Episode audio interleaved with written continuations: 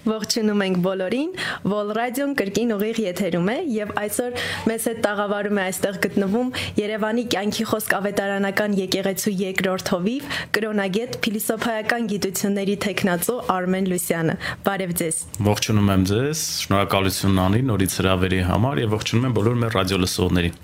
Այսօր ունենալու ենք շատ հետաքրքիր զրույց օկուլտիզմ, դարվինիզմ եւ աթեիզմ թեմաներով։ Մենք նախապես տեղեկացրել ենք, որ հենց այս թեմայի թեմայի շուրջ ենք զրուցելու եւ արդեն իսկ ունենք շատ հարցեր։ Շատ շնորհակալ ենք ձեր հարցերի համար եւ Ենթադրում եմ, որ շատ հարցեր կլինեն, որովհետեւ թեմաները բավականին ծավալ ունեն, բայց ամեն դեպքում սահմանված ժամանակում որքան որ հարցերի կհասցնենք, անդրադառնանք։ Այո, եւ սկսենք արդեն եւ մեր առաջին հարցը ինչ է օկուլտիզմը։ Գիտեք, օկուլտիզմը հասկանալու համար իմ կարծիքով մենք պետք է մի փոքր ավելի լայն համատեքստում այն դիտենք։ Տեսեք, գոյություն ունի եւ ֆիզիկական եւ հոգեվոր իրականություն։ Ֆիզիկականը այն ինչ որ մարդուն աչքերին տեսանելի է, ինչ որ շոշափելի է եւ ինչը որ մարդու համար ամենաիրական իրականն է թվում դա ֆիզիկական իրականություն է, որտեղ որ մենք բոլորս ապրում ենք։ Բայց դրան զուգահեռ կա նաև հոգևոր իրականություն։ Հոգևոր իրականություն, որը աներևույթ է, անտեսանելի, բայց դա չի նշանակում, որ այն պակաս ռեալ է, եւ իրականում այս երկու իրականությունների ֆիզիկական եւ հոգևոր աշխարհի միջև փոխազդեցություն կա։ Եվ այս առումով եթե նայենք հոգևոր աշխարհն էլ իրականում այսպես նաև կարող ենք նկարագրել, որ կա Հիսուս Քրիստոսի լույսի թակավորությունը, Աստծո արքայությունը, որը ամեն բարի բանի աղբյուրն է, Ինչպես որ խոսքը ասում է, որ ամեն բարի տուրք, ամեն բարի բան երկնքից լույսի հորից է գալիս, եւ կան նաեւ սատանայի խավարի թակավորությունը, որը հասկանալի է, որ խավարի ուժերի իշխանությունն է այդտեղ եւ հասկանում եք հիմա երբ որ մենք գալիս ենք արդեն օկուլտիզմին, պետք է հասկանանք ինչի հետ մենք գործ ունենք։ Ինչ է իրանց ներկայացնում օկուլտիզմը։ Օկուլտիզմը դե լատիներեն օկուլտուս բառից նշանակում է գաղտնի, ծածուկ, Այսինքն երևույթներ, որոնք որ մարդու բանականության կամ գիտական մեթոդներով, այլ որևէ ճանաչողության մեթոդներով մարդու համար բացատրելի չեն, պարանորմալ պարանորմալ երևույթներ են կամ բնության անբացատրելի ֆենոմեններ են, որոնք որ ազդում են այս ֆիզիկական աշխարհի վրա, կյանքի վրա, իրավիճակների վրա, մարդկանց կյանքի վրա։ Իսկ եթե մի քիչ ավելի այսպես հոգևոր մեկնաբանություն տամ, օկուլտիզմը բոլոր այն գործողությունների, ծեսերի, արարողությունների ամբողջությունն է, որոնց նպատակը մեկն է՝ ակտիվացնել հոգևոր չար ուժերը մեր ֆիզիկական աշխարհում։ Այսինքն հոգևոր աշխարհը այո, կարող է միջամտել եւ ներգործություն ունենալ ֆիզիկական աշխարհում, մարդկանց կյանքի վրա, կյանքերի վրա, տարբեր իրավիճակների, հանգամանքների վրա, սա կարող է լինել։ Բայց գիտեք, իրականում մենք ենք ընտրում, մարդիկս ենք ընտրում ակտիվացնենք դա մեր կյանքում, թե ոչ կամ Աստծո կամքը եւ Աստծո ներգործությունը, Աստծո ազդեցությունը գա մեր կյանքերի վրա, մեր իրավիճակների վրա, թե իրականում այդ օկուլտային միջոցներով մարդը դիմի չար աղբյուրներին եւ այնտեղից դիվային ազդեցություններ գա իրականում։ Եվ գիտեք, երբ որ sense նայում ենք օկուլտիզմին, կարող ենք այնքան տարբեր տեսակի այսպես գործնեություններ ներառել դրա մեջ, հա, ինչպես օրինակ ոգեկանչությունը, ոգեհարցությունը, գուշակությունը, կախարդությունը, թուղթ ու գիրանելը, բախտ բացելը, հմայությունը, դյութությունը, այսինքն էքստրասենսորիկան, պայծառատեսություն, տարբեր տեսակի այսպիսի գործնեություններ կան, որոնք որ իրականում այս մեր ֆիզիկական աշխարհում մարդկանց կյանքում ակտիվացնում են հոգեվոր չար ուժերի ներգործությունը եւ Սա մի բան է, որից պետք է զգուշանալ, որովհետև դա ունի նաև հետևանքներ։ Մարդը պետք է այս ամեն ինչը գիտակցի ու հասկանա։ Եթե դու քայլ ես անում ինչ-որ մի բան, ոտը դնում ես ինչ-որ մի գետի մեջ, դու պետք է իմանաս ինչ է քեզ սպասվում։ Ու դրանից հետո ընտրություն անես, պետք է դա անել, թե պետք չի։ Օկուլտիզմը մի այնպիսի չար ուժերի հետ գործ ունեցող երևույթ է, որից ուղակի պետք է հեռու մնալ եւ մոտենալ Աստծուն, որը որ ամեն բարի բաների աղբյուրն է մեր կյանքում։ Արդյոք Աստվածաշունչը անդրադառնում է հենց օկուլտիզմին եւ զգուշացնում է մեզ թեկուս հենց հետևանքների վերաբերյալ։ Գիտես, անի շատ հստակ է Աստվածաշունչը խոսում օկուլտային երևույթների մասին։ Իհարկե, օկուլտիզմ բառը մենք չենք գտնի Աստվածաշունչում, որովհետև դա ավելի ուշ օգտագործվող եւ ավելի ուշ բնորոշում ստացած տերմին է, բայց ամեն դեպքում բոլոր այն երևույթները, որ դրա տակ կարող ենք ներառել, Աստվածաշունչում հնարավորինս լայն ձևով նշվում են եւ Աստված զգուշացնում է։ Ես կուզենամ, որպեսզի մենք ընթերցենք նաեւ Աստվածաշնչից, ես կընթերցեմ մի քանի տեղեր, երկրորդ օրինաց 18-րդ գլուխ 10-րդ համարը երկրորդ օրինաց 18-րդ գլուխ 10 համարը այստեղ Աստված զգուշացում է տալիս իր ժողովրդին. ձեր մեջ չգտնվի իր տղային կամ աղջկան կրակից անցկացնող, դյութություն դյութող, գուշակող եւ հմայող եւ կամ հավահարց, նաեւ կախարդ կամ վհուկ կամ նշանագետ կամ մեռելահարցուկ։ Սրանք տարբեր տեսակներ են այդպիսի գործնեության, որովհետեւ բոլոր այս բաներն անողը Աստծո առաջին գարշելի է շատ հստակ է Աստծո նախազգուշացումը։ Ու նաև Աստված նախազգուշացնում է, որ այսպիսի բաներ անելով Աստծո բարկությունն է գալիս եւ այդ ամեն ինչը անհետևանք չի մնում նաև Աստծո կողմից։ Իրականում օկուլտիզմ այսպիսի երևույթների մեջ ներգրավվելը մի տեսակ ապստամբություն եւ անհնազանդություն է նաև Աստծո նկատմամբ։ Եվ այստեղ պետք է շատ իրականում մարդը ողջամտությունից ելնելով հասկանա, հիմա ինչն է ավելի լավ, հնազանդվել Աստծուն եւ մեր կյանքերում Աստծոց բարի բաներ ընդունենք, թե հակառակվենք նրան, ապստամբենք Աստծո դեմ եւ փորձենք գնալ այսպես կախարդների, գուշակների, հմայողների, բախտ բացողների մոտ, այսպես ասած մարդը իր բախտը փորձի փնտրել այդ դաշտում հաստատ հաստատ ոչ մի լավ բան եւ ոչ մի լավ հետևանք դա իր հետևում իր հետևից չի բերելու ես այսպեսի մի բան էլ ասեմ իրականում այսպիսի օկուլտային գործնեության մեջ ներգրավված մարդիկ շատ լավ հասկանում են հոգևոր ինչ ուժերի հետ գործ ունեն։ Եվ գիտեք, մեկ-մեկ ասում են, դե անմեղ բաներ են, էլի այսպես։ Ես ասպիսի մի բան ասեմ, այս բոլոր գործնական տեսակների մեջ ոչ մի անմեղ, միամիտ բան չկա։ Եվ իրականում լրջորեն սրա մեջ ներգրաված մարդիկ շատ լավ հասկանում են, որ իրանց զորության աղբյուրը, իրանց գործնության աղբյուրը իրականում սատանայի հոգևոր չար ուժերի հետ կապ ունի, թե ինչ աղբյուր են իրենք միացած։ Իրենք կարող են Աստծո անունը օգտագործել, իրենք կարող են հրեշտակների անուն տալ եւ այլն եւ այլն, բայց դա ընդհանրապես այսպես ասենք մի քող է, որով միջոց է, որով փորձում են մարդկանց, այսպես ասենք, գայթակղել, խափել ինչ որտեղ, որտեղ մարդ երբ որ Աստծո անունն է լսում, մտածում է դե Աստված էս ամեն ինչ անում։ Եվ բարի բան է։ Եվ բարի բան է։ Իրական մենք պետք է հասկանանք օկուլտիզմի պարագայում մենք ինչի հետ գործ ունենք։ Ես կցանկանամ եւս միտեղ Աստվածաշնչից ընթերցել Եսայա 8-րդ գլուխ ահա թե այստեղ Աստծո կամքը լիովին բացահայտվում է այս երևույթների հետ կապված 8-րդ գլուխ 19-րդ հոսքում ահա մարգարեն այսպիսի բան է ասում. Եվ երբ որ ձեզ ասեն, հարցրեք մերելա հարցուկներին եւ վհուկներին եւ փսփսողներին ու քրտմնչողներին, դուք էլ նրանց ասեք, չէ որ ժողովուրդը պետք է իր Աստծուն հարցնի,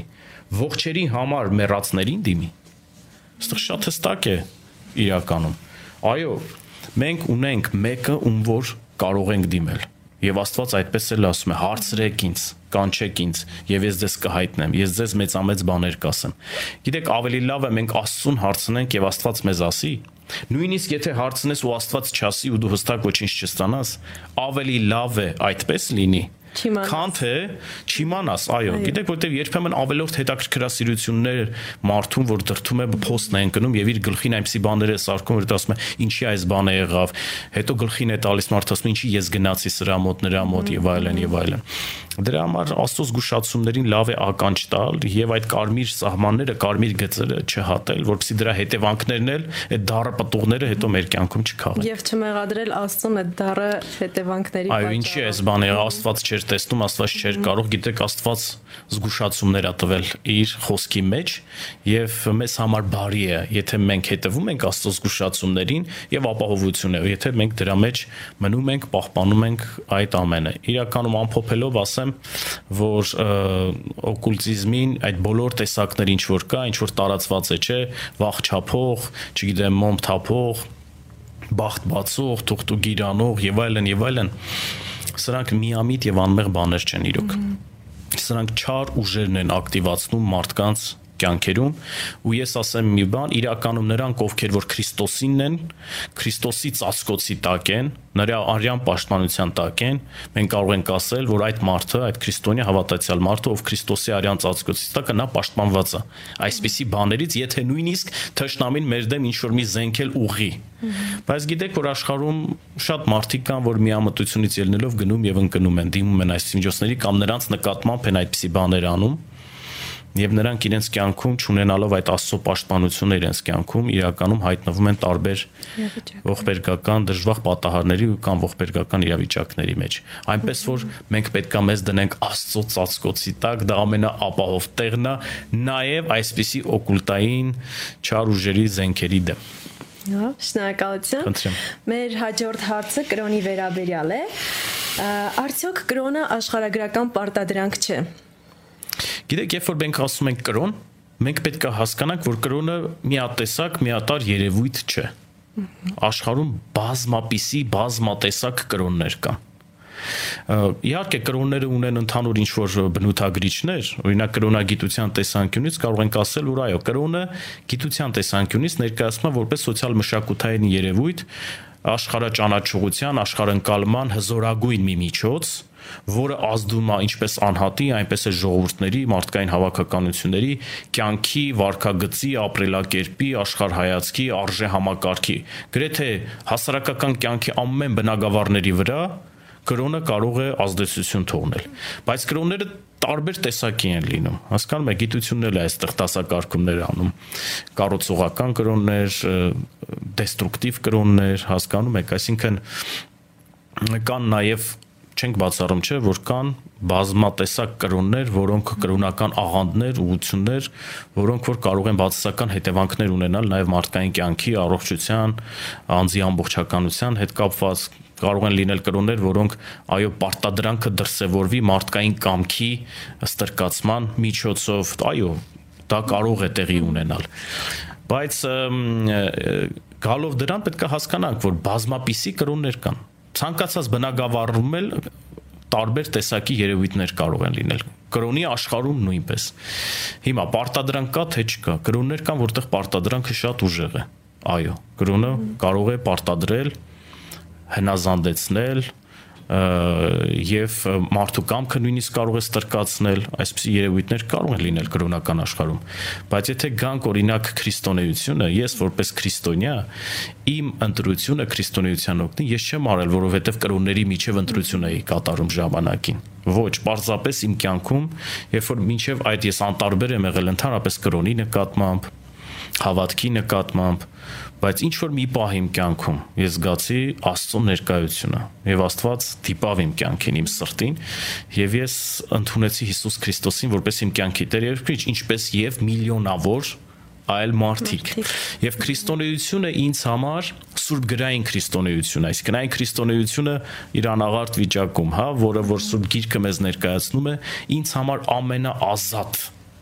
կրոնն է, եթե այն կրոն անվանենք, հա, որովհետև մենք տեսնում ենք այնտեղ Աստծուն, որը որ մեզ չի պարտադրում ոչինչ, նա մեզ չի ստրկացնում։ Հասկանում եք, ամեն բան դրված է մեր ազատ կամքի վրա։ Նա այո, նա մեզ կանչում է, այո, նա մեզ զգուշացնում է, այո, նա մեր կյանքերում ուզում է ներկա լինել եւ շատ բաներ անել մեզ համար, բայց նա այսպես իրեն չի պարտադրում մեզ թեև ամենակարող Աստվածը գիտեք ամեն բան կարող է անել բայց նա իր էությունից ելնելով չի պարտադրում ոչինչ եւ չի ստրկացնում մեզ մեզ ռոբոտներ չի սարքում իրականում Աստված մեզ բանականություն է տվել, հոգի է դրել մեր մեջ, միտք է տվել մեզ եւ ցանկանում է որպեսզի մենք իր հետ ունենանք ազատ կամքի վրա հիմնված հարաբերություններ այն որ հիմա մենք հավատացյալ քրիստոնյաներս հետևում ենք Քրիստոսին պաշտում երկրպագում ենք նրա խոսքը պահում ենք փորձում ենք ավետարանի գործը անել սա ոչ թե նրանից է որովհետև Աստված մեզ պարտադրել է դա ոչ թե որ մենք ստիպված ենք դա անել ոչ մի պարտադրող բան չկա մեր կյանքում ուղղակի դա մեր ազատությունից մենք ուզում ենք ծառայել մեր Տեր Աստծուն ու անել նրա գործերը երկրի վրա հավատալով որ դու լավագույնն ես մարդու համար որ կարող է լինել նրա կյանքում Այնպես նշեցի կան բազմաթիվ տեսակների կրոններ, մոտ 2000 տեսակի կրոն կա։ Ինչպես մեզ հարց էին ուղել, ինչպես իմանան, որ մնացած 1999 կրոնները ճիշտ չեն եւ միակ ճշմարիտը քրիստոնեությունն է։ Գիտեք, ընդհանրապես ասում են կրոնական աշխարհում աքսիոմատիկ պնդում կա, որ եթե 2000 կրոն կա, 2000-ն էլ ճշմարիտ են իրենց համար։ Այո, որովհետև ցանկացած կրոն ձգտում է հայտարարել, ներկայանալ որպես միակ ճշմարիտ կրոն։ Այո, այսպիսի բան կա կրոնական աշխարհում։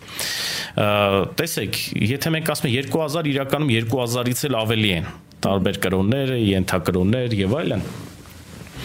Հիմա հարց, եթե մեկը ճշմարիտ է, ուրեմն մնացածը սուտ են։ Գիտեք, ինձ համար որպես քրիստոնյայի, ում համար բացվել է Քրիստոսի անձը որպես Աստված, որպես փրկիչ, նա, ինչպես որ Սուրբ Գիրքն է ասում, նա է միակ ճանապարհը, ճշմարտությունը եւ կյանքը։ Այսքանից հետո Ես ինչպես կարող եմ այլ կրոնները դիտել, որ նույնպես հավասարազոր են, հավասարազոր ճշմարիտ են։ Ինչպես օրինակ այս ժամանակակից այսպիսի կրոնական փիլիսոփայություն կա, որն ասում է, թե Աստված սարի գագաթին է եւ նրան տանող բազմաթիվ ճանապարհներ կան եւ տարբեր կրոնները իբրև թե այդ առանձին ճանապարհներն են եւ նշանակություն չունի թե որ կրոնի մեջ ես, ինչպես ես պաշտում Աստծուն, կարևորը դու Աստծուն պաշտում ես, դու բարձրանում ես սարը եւ ամեն մեկն էլ իր կրոնով կհասնի Աստծուն։ Սա իրականում հասկանում եք հումանիստական կրոնական փիլիսոփայություն է ոչ ավելին։ Քրիստոնեության մեջ մենք տեսնում ենք շատ հստակ պնդումներ, որոնք անում է հենց ինքը Հիսուսը եւ ասում է ես եմ կյանքը, ես եմ ճանապարհը, ես եմ ճշմարտությունը։ Հասկանում եք, սրա կողքին այլ ճշմարտություն, այլ ճանապարհ, այլ կյանք չի կարող լինել։ Եվ հայրն էլ ասում է, որ ոչ մեկ չի կարող չէ մոտենալ հորը, եթե ոչ նրա որդիով Հիսուս Քրիստոսով։ Այսինքն, եթե այսպես նայեն քրիստոնյաների համար բնականաբար միակ ճշմարիտը քրիստոնեությունն է։ Թեև քրիստոնեության մեջ տարբեր կոնֆեսիաներ կան, ուղություններ կան։ Այստեղ է որ հարցը գալիս է, որ քրիստոնեության մեջ իրականում քրիստոնեության ուղությունները իրենց չպետք է ներկայացնեն որպես միակ ճշմարիտ քրիստոնեության կրողը հասկանում եք քրիստոնեության ներսում արդեն մենք տարբեր եկեղեցիներ կարող ենք լինել տարբեր քրիստոնեական ուղություններին հարող քրիստոնյաներ կարող ենք լինել բայց պիտի հասկանանք որ միակ ճշմարիտը չենք քրիստոնեության մեջ քրիստոնեությունը չի սկսվում մեզանով մեր եկեղեցով եւ մեզանով չի ավարտվում քրիստոսի մարմինը շատ մեծ է քրիստոնեությունը շատ հարուստ է եւ այստեղ մենք պետք է մյուսների մեջ կարողանանք տեսնել մեր եղբայրներին քույրերին եւ քրիստոսի ընթան հանրական եկեղեցու անդամներին բայց քրիստոնեության կողքին բնական է այդ բնդումը, որ միակ ճշմարիտը քրիստոնեությունն է եւ այլ ճշմարիտ կրոն չկա։ Թեև սա չի նշանակում, որ պետք է անարգել արհամարական կամ որևէ բացասական վերաբերմունք ունենալ այլ կրոնական հայացքներ ունեցող անձանց։ Հասկանում եք, այստեղ նաև գալիս է քրիստոնեության կուլտուրան, արժե համակարգը, որ մեր մեջ դրված է։ Եթե մենք քրիստոնյա ենք, եթե մենք գտել ենք Աստծուն, որը միակ ճանապարհն է դեպի երկնքի արքայություն, սա չի նշանակում, որ մենք անարգում ենք այլ կրոնները կամ այլ կրոնական հայացքներ ունեցող անձանց։ Սա պարզապես շատ կարևոր է, որպեսզի այսպիսի մշակույթ, այսպիսի կուլտուրա մենք մեր մեջ ունենանք, այո։ Շնորհակալություն եւ մեր հաջորդ հարցը արդեն անցում կատարենք մյուս թեմային, աթեիզմին Հավատացյալները պնդում են, որ աթեիստներն անհավատ եւ կործանված մարդիկ են, բայց նրանք օգնում են անհավատներին, աղքատներին, կերակրում եւ հոգում կենթանիների մասին իրենց իսկ խղճի համար եւ ոչ թե Աստծո հանդեպ ունեցած վախի։ Եվ հարցը հետեւյալն է. այս դեպքում արդյոք արդարացի է այդ պնդումը։ Գիտեք, նորից ես պետքա գամ հետեւյալին։ Ինչպես որ ասում են կրոն, չէ, այսպես միատար մի երևույթ են ներկայացնում Այսպես էլ տվյալ դեպքում հավատացյալներ, աթեիստներ, հասկանում եք, աթեիստներն էլ են տարբեր լինում, հավատացյալներն էլ են տարբեր լինում, մոտեցումներն էլ տարբեր կարող է լինեն։ Շատ կարևոր է Աստված ինչպես է նայում, այլ ոչ թե առանձին վերծրած հավատացյալ քրիստոնյան օրին տվյալ դեպքում ենթադրենք քրիստոնյաների մասին խոսենք եւ աթեիզմի շատ կարող է Աստված ինչպես է նայում եւ Սուրբ Գիրքը ինչպես է մեկնաբանում տարբեր հարցեր օրինակ ինձ համար ես քրիստոնյա լինելով քավ լիցի, որ արհամարական կամ որևէ վերևից նայեմ աթեիստական հայացքներ ունեցող մարդկանց։ Ինձ համար հասկանում եք կարևորը թե ինչպես է նայում Աստված։ Աստված սիրում է բոլորին։ Սիրում է բոլորին։ Եթե չսիրեր մարդկանց, Հիսուս Քրիստոսին չէր ուղարկի մեր բոլորի համար խաչվելու։ Եթե կարևորություն չտար բոլորիս, չէր գնա Հիսուսը այդպիսի զոհողությունների։ Ամբողջ հարցը այն է, որքանով է Աստծո կամքը, Աստծո ծրագիրը դրսևորվել առանձին վերծրած մարդկանցս կյանքում։ Ես էլ մի ժամանակ քրիստոնյա հավատացյալ չէի։ Բայց ինչ որ մի պահ միտքս լուսավորվեց Աստված այցելություն արեց եւ ես հիմա քրիստոնյա հավատացյալ եմ։ Սա ինձ թույլ չի տալիս, որպեսզի ես արհամարական վերաբերվեմ դերևս նրանց, ովքեր որ աթեիստական հայացքներ ունեն, չեն ժխտում են Աստծո գոյությունը եւ այլն։ Աստծո լույսի ներքո ես ամեն մի աթեիստ մարդու նայում եմ ոչ թե որպես կործանված մարդու, նայում եմ մի մարդու, ով դեռևս կարիք ունի, որպեսզի հանդիպի Աստծո հետ։ Ես հանդիպում եմ մի մարդու, ով դեռևս շանս ունի որպեսի Տիրոջ ծրագիրը ավետանի խոսքը նրա կյանքում հայտնվի եւ ինչ որ լույս սփռի նրա ներսում։ Ինչ վերաբերում է հավատացյալներ, աթեիստներ այս պայքարին, ես հետեւյալը ասեմ։ Իրականում Երբ որ ասում ենք կործանված մարդ, ինչ նկատի ունենք դրա ներքո։ Մենք կարող ենք տեսնել աթեիստ մարդիկ, որոնք որ բարոյական տեսան պարկեշտ մարդիկ են, որ այս կյանքում ինչ որ բանի հասել են, նրանք չես կարող ասես, որ այս կյանքում կործանված մարդիկ են եւ այլ ինչ որ ձեռքբերումներ ունեն, նվաճումներ, հաջողություններ բայց ավելի կարևոր է ոչ թե այս երկրային հաջողությունները կամ ինչի ենք մենք հասել, այլ շատ կարևոր է հավիտենականության տեսանկյունից։ Ահա այստեղ է որ գալիս է գլխավոր բախումը հավատացյալների եւ աթեիստների միջև։ Ինչ համար կործանված է այն մարդը, ով որ երկրային կյանքին հրաժեշտ տալուց չի հանդիպելու Հիսուսին, չի մտնելու երկնքի արքայությունը։ Դա է իրական կործանումը։ Երկրի վրա մենք կարող ենք մի բանի հասնել, մի բանի չհասնել, բայց կարևոր է հավիտենական մեր ճակատագիրը ինչպես է լինելու։ Ահա այստեղ է, որ ես ցանկացած մարդու, որ դեռ Աստծուն չի հանդիպել եւ դեռ պայքարում է Աստծո գոյության դեմ, որ իրական ինչ որ մի պահին է հանդիպի Տիրոջը։ Եվ քանի դեռ այս երկրի վրա ենք, մենք հնարավորություն Այո, այդ շանս ունենք, այդ հնարավորությունը ունենք։ Դրա համար ես խորհուրդ կտայի ընդհանրապես եւ հավատացյալներին եւ աթեիստներին ոչ թե պայքարել միմյանց դեռ, այլ փորձել հասկանալ իրար։ Դուք նաև պատասխանեցիք մեր մյուս հարցին, հարցնում էին նաև Աստծո վերաբերմունքը ինչպիսին է։ Աստծո համար ավելի հաճելի է անկեղծ աթեիստը, թե վահից մահից վախեցող հավատացյալը։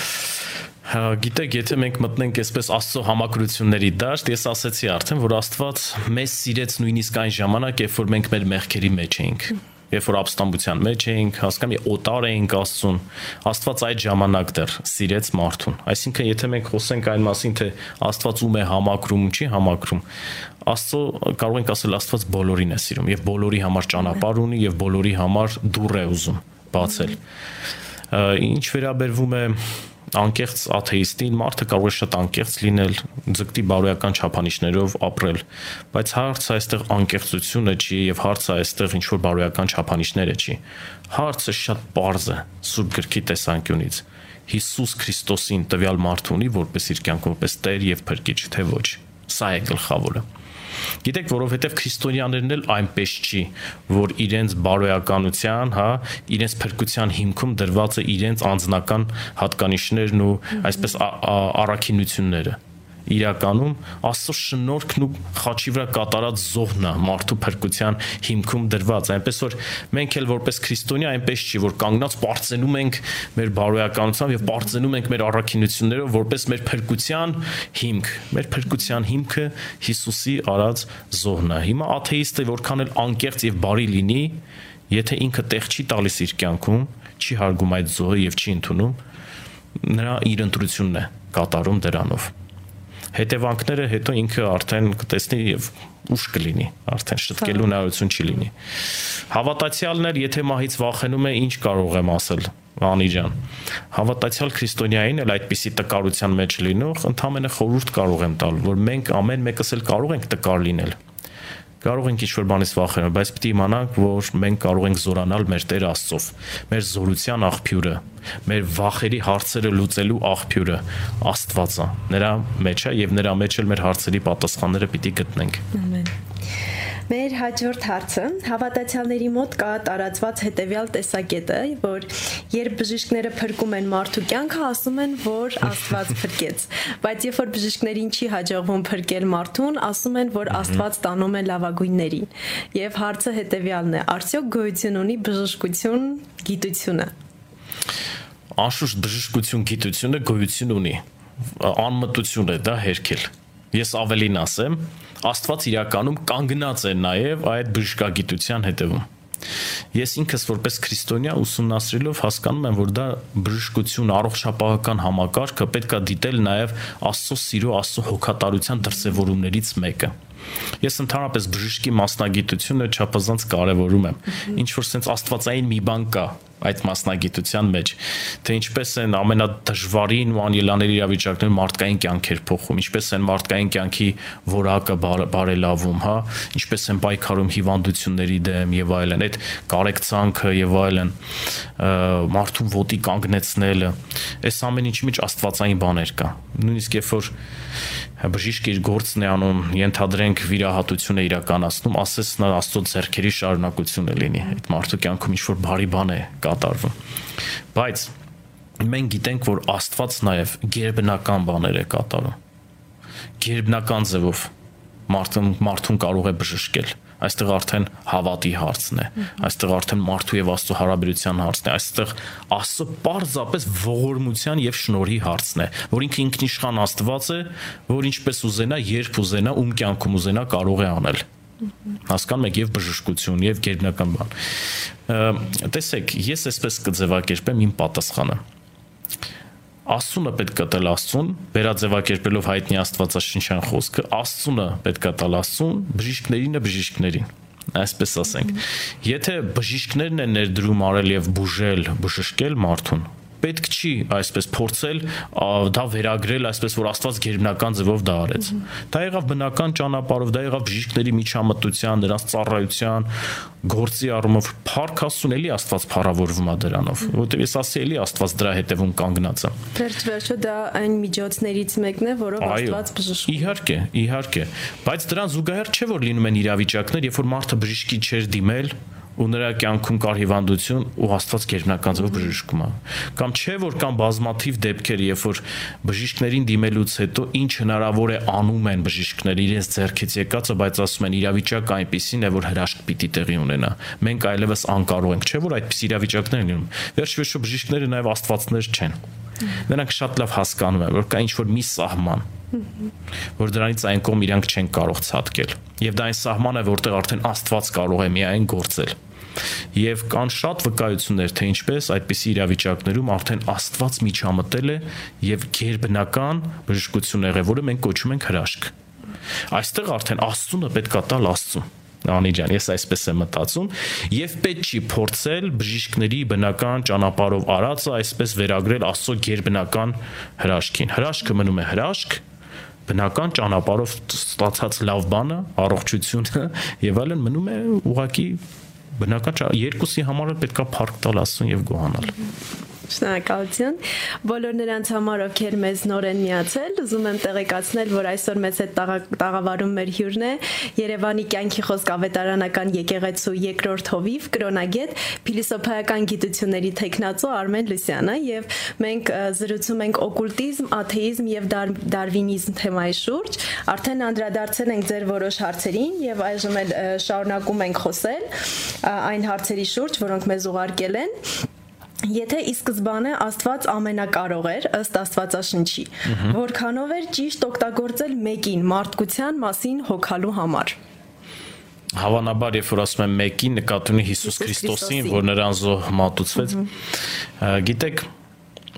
սա շատ կարևոր է, սա Աստվածաշնչյան է, շատ խոր է, շատ լուրջ, բայց միևնույն ժամանակ շատ པարզ ճշմարտություն է։ Պողոս Արաքյալը այս մասին խոսելով ասում է առաջին Ադամի միջոցով մեղքը եւ մահը թափանցեց աշխարհ, երկիր եւ դրանից հետո ապականություն եկավ եւ մարդը իր հավիտենական կյանքը կորցրեց հա ենթարկվեց արդեն քայքայման, հա մահը մտավ, մեղքի իշխանությունը մտավ եւ ասում է որպեսի դրա հարցերը լուծվեր երկրորդ Ադամի միջոցով պետք է գար փրկությունը եւ արդարացումը Աստծո հետ հաշտեցումը եւ մարդու վերականգնումը եւ Հիսուս Քրիստոսը այն մեկն էր եւ նրանից բացի ուրիշ որևէ մեկը չէր կարող դա անել, որտեղ նա այն անարատ գառներ, ով ուներ այն անարատ արյունը, որը կարող էր թափվել մարդկության մեղքերը քավելու եւ նրան փրկելու համար։ Ես ասեմ ձեզ, որպեսզի ավելի հասկանալի լինի, եթե նույնիսկ Հիսուսի օրերում գտնվեր մի մարդ, ով պատրաստ լիներ կամովին իր անձը զոհաբերել խաչի վրա մարդկության փրկության համար, նա չէր կարող դա անել եւ նրա զոհը չէր կարող ընդունվել հասկանաք որովհետեւ անարատ զոհ պիտի մատուցվեր եւ անարատ արյուն պետք է թափվեր մարդկության մեղքերը քավելու համար եւ այդ միակը անփոխարինելին Հիսուս Քրիստոսն էր, ով որ կամովին համաձայնվեց իր անձը դնի, այն էլ հնազանդրեց իր անձը մինչև խաչի մա եւ երբ որ հարց է առաջանում ինչու՞մն է կայանում քրիստոնյաների հավատացյալ քրիստոնյաների այդ Աստծո հանդեպ շնորհակալության, երախտապարտության այդ զգացողությունը հենց սրա մեջ է սիրելիներս, որ ոչ մի մարդ ինչքան էլ հարուստ լինի, կարող լինի, դիրք ունենա, հնարավորություններ ունենա, չունի այդ ամենակարևոր բանը, որով իր կյանքի փրկանքը վճարի, ոչ հարստությամբ, ոչ որևէ մեկ այլ բանով բայց միայն Հիսուս Քրիստոսի այդ անարատ Աստծո գառան զոհը խաչի վրա կարող էր մեզ խավել եւ մեզ փրկություն տալ։ Այն ինչ որ առաջին Ադամի պատճառով կորցրեցինք, երկրորդ Ադամի, այսինքն Հիսուս Քրիստոսի միջոցով մենք դա վերագտանք։ Ովքեր որ կհավատան Հիսուս Քրիստոսին, նրանք հավիտենական կյանք կունենան։ Շնորհակալություն։ Եթե Աստված ամենակարող է, ապա կարող է նա ստեղծել մի բան, որ չի կարողանա հենց ինքը տեղաշարժել։ Սա շատ հին պրովոկացիոն հարցերից է այսպես, կարծես թե ուզում են Աստծո հասցեին այսպես մեղադրանք ուղղել։ Եթե ամենակարող է, արդյոք չի կարող անել մի բան, որ որ իր ուժերից վեր լինի։ Երեք ես ուղղակի քանի որ իմ համար սա հումորի դաշտում գտնվող հարց է, այդպիսի մակարդակի մի հարց է, այլ ոչ թե լուրջ մի հարց, ես կարող եմ ասել, որ այդպիսի մի բան իրականում գոյություն ունի եւ դա մարդկային քարացած սրտերն են որոնք կարող են աստծուն արարչին ուղակի անտեսել չտեղաշարժվել ընդհանրապես այնքան քարացած եւ խիստ լինեն որ Աստծո հպումը, Աստծո կանչը իրանց ներսում չզգան։ Այո, այդպիսի չտեղաշարժվող բան կա, որ Աստված է ստեղծել մարդը, մարդու մարդկային այդ սիրտը, բայց դա իրականում շատ քարացած է եւ դժվար է տեղաշարժվում։ Բայց իրականում ասեմ, Աստված անիմաստ զբաղմունքներով չի զբաղվում որ նստի եւ մտածի ինչ ստեղծի, որ հետո քար մի հատ այնպիսի քար ստեղծի, որ դա չկարողանա տեղաշարժի։ Մարդը պետք է հասկանա իր մակարդակը եւ Աստծո մակարդակը, հասկանում եք։ Թե մարդ իրան կարող է նման բաներ թույլ տալ եւ այդ մակարդակի զրույցներ վարել։ Դի հասկանանք Աստվածով է։ Աստված անիմաստ հիմար զբաղմունքներով չի զբաղվում։ Շնորհակալություն։ Սիրելի ռադիո լսողներ, ուզում եմ սիրով տեղեկացնել, որ դուք եւս կարող եք միանալ մեզ, դառնալ մեր թիմի մի մասնիկը, քանի որ գիտեք, մեր օրերում ամեն բան իր գինն ունի եւ ռադիոյի հետագա աշխատանքները իրականացնելու համար մենք փորձում ենք բոլոր հնարավոր միջոցները ներդրել, բայց ունենք եւս ձեր աջակցության կարիքը։ Ու եթե դուք ուզում եք միանալ մեզ, ապա կարող եք այցելել volradio.com կայքը, աջակցել բաժինը եւ ձեր ներդրումն ունենալ։ Եվ մենք շնորհակալ կլինենք ցանկացած ներդրման համար։ Շարունակենք մեր հաջորդ հարցը։ Ըստ Աստվածաշնչի Հիսուս Քրիստոսը հարություն առավ մարմնով, բայց դիեզերքում ֆիզիկական մարմինը գոյատևել չի կարող։ Հարց. ֆիզիկական բոլոր օրենքներն են մերժվում եկեղեցու կողմից, թե միայն ոմանք հետաքրքիր հարց է, բայց մյուս մի ուրիշ հարց է մոտ առաջանում։ Իսկ ով է ասում, որ եկեղեցու կողմից որևէ ֆիզիկական օրենք մերժվում է։ Ոչ մենք ապրում ենք ֆիզիկական աշխարհում, մի աշխարհում, որտեղ գործում են ֆիզիկայի օրենքներ, եւ սա մեր բնականon աշխարհն է, որ կոնկրետ այդպիսի օրենքների շրջանակներում գործում է։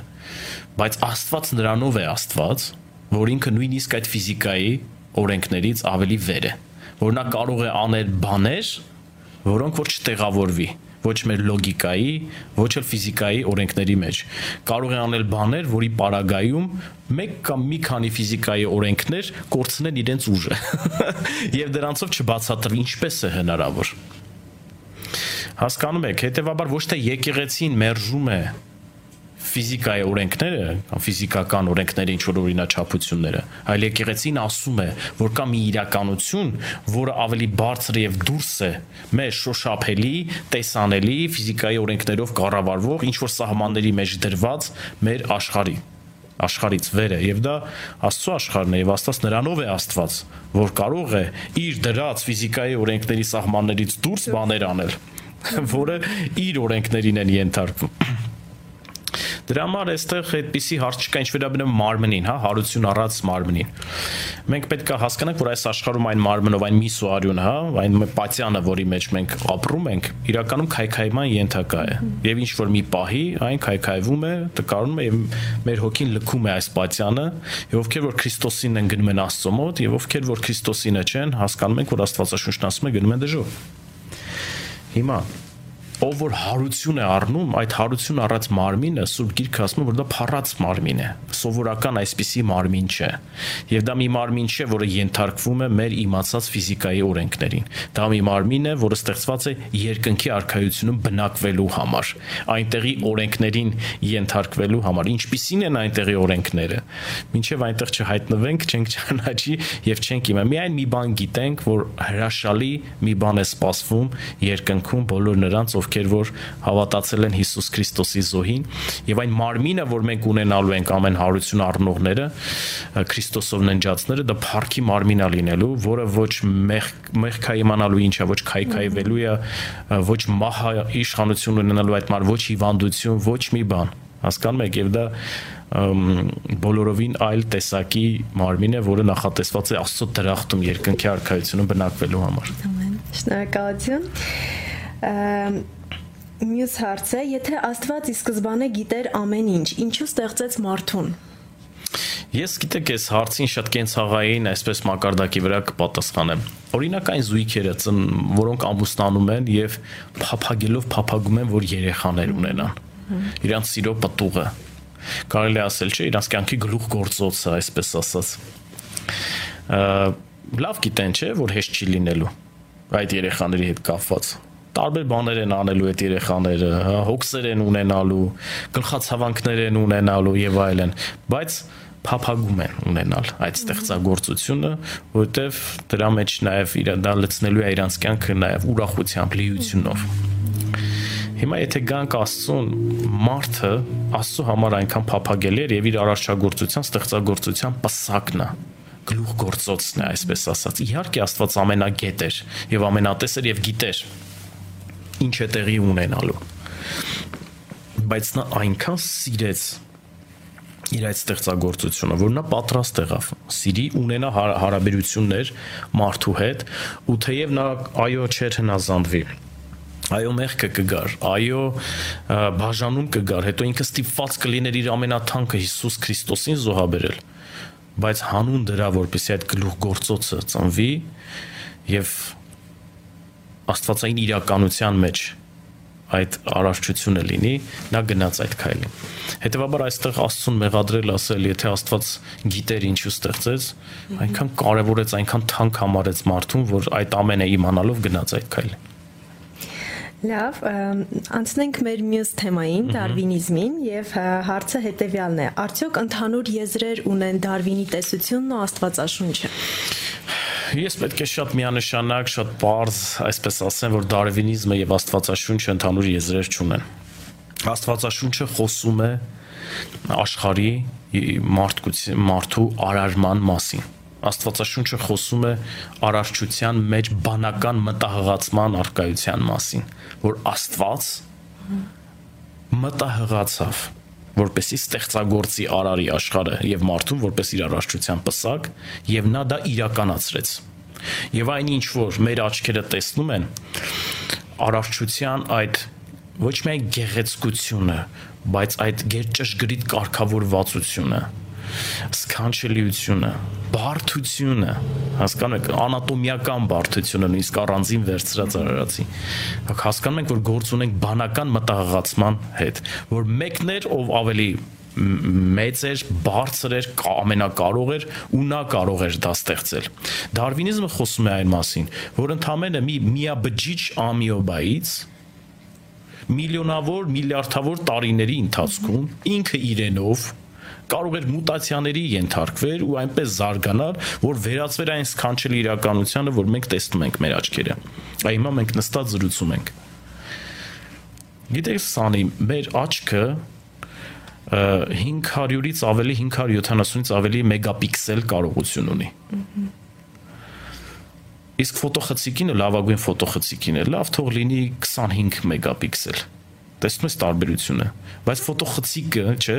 ինքն իրան մուտացիաների ենթարկվելով չվերածեց ու չդարձավ, չէ, այդպիսի կարողությամբ մի ստեղծագ ստեղծագործող կար։ Արարեց նրան բանական մտահղացում կա ֆոտոխցիկի մեջ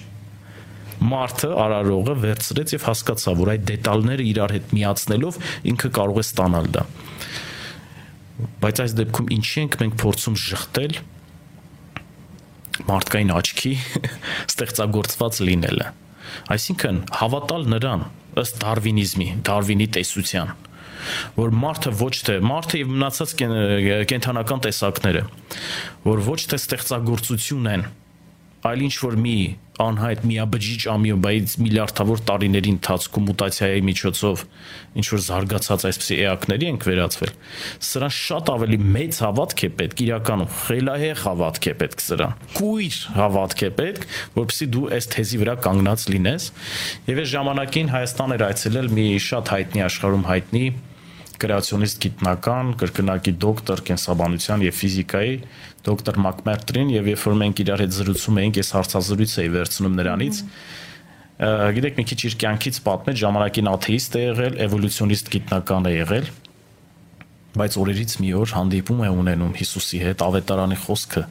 արձագանք է գտնում իր սրտում եւ ասում է երկու տարի ես ծանր ու թեթև էի անում բոլոր փաստարկները, փաստերը, գիտական, աստվածաշնչյան։ Եվ ասում է ես համոզված կրեացիոնիստ դարձա, այսինքն կողմնակիցը այն գաղափարի, որ աշխարհը եւ մարդը արարված է։ Արարված է, այլ ոչ թե միլիարդավոր տարիների ընթացքում ինչ որ միաբջիջ միամյոբայից վերածվել է այսպիսի բարդ, բայց գերջգրիտ կարգավորված էակի։ Եվ ինքը հետեւյալն է, ասում է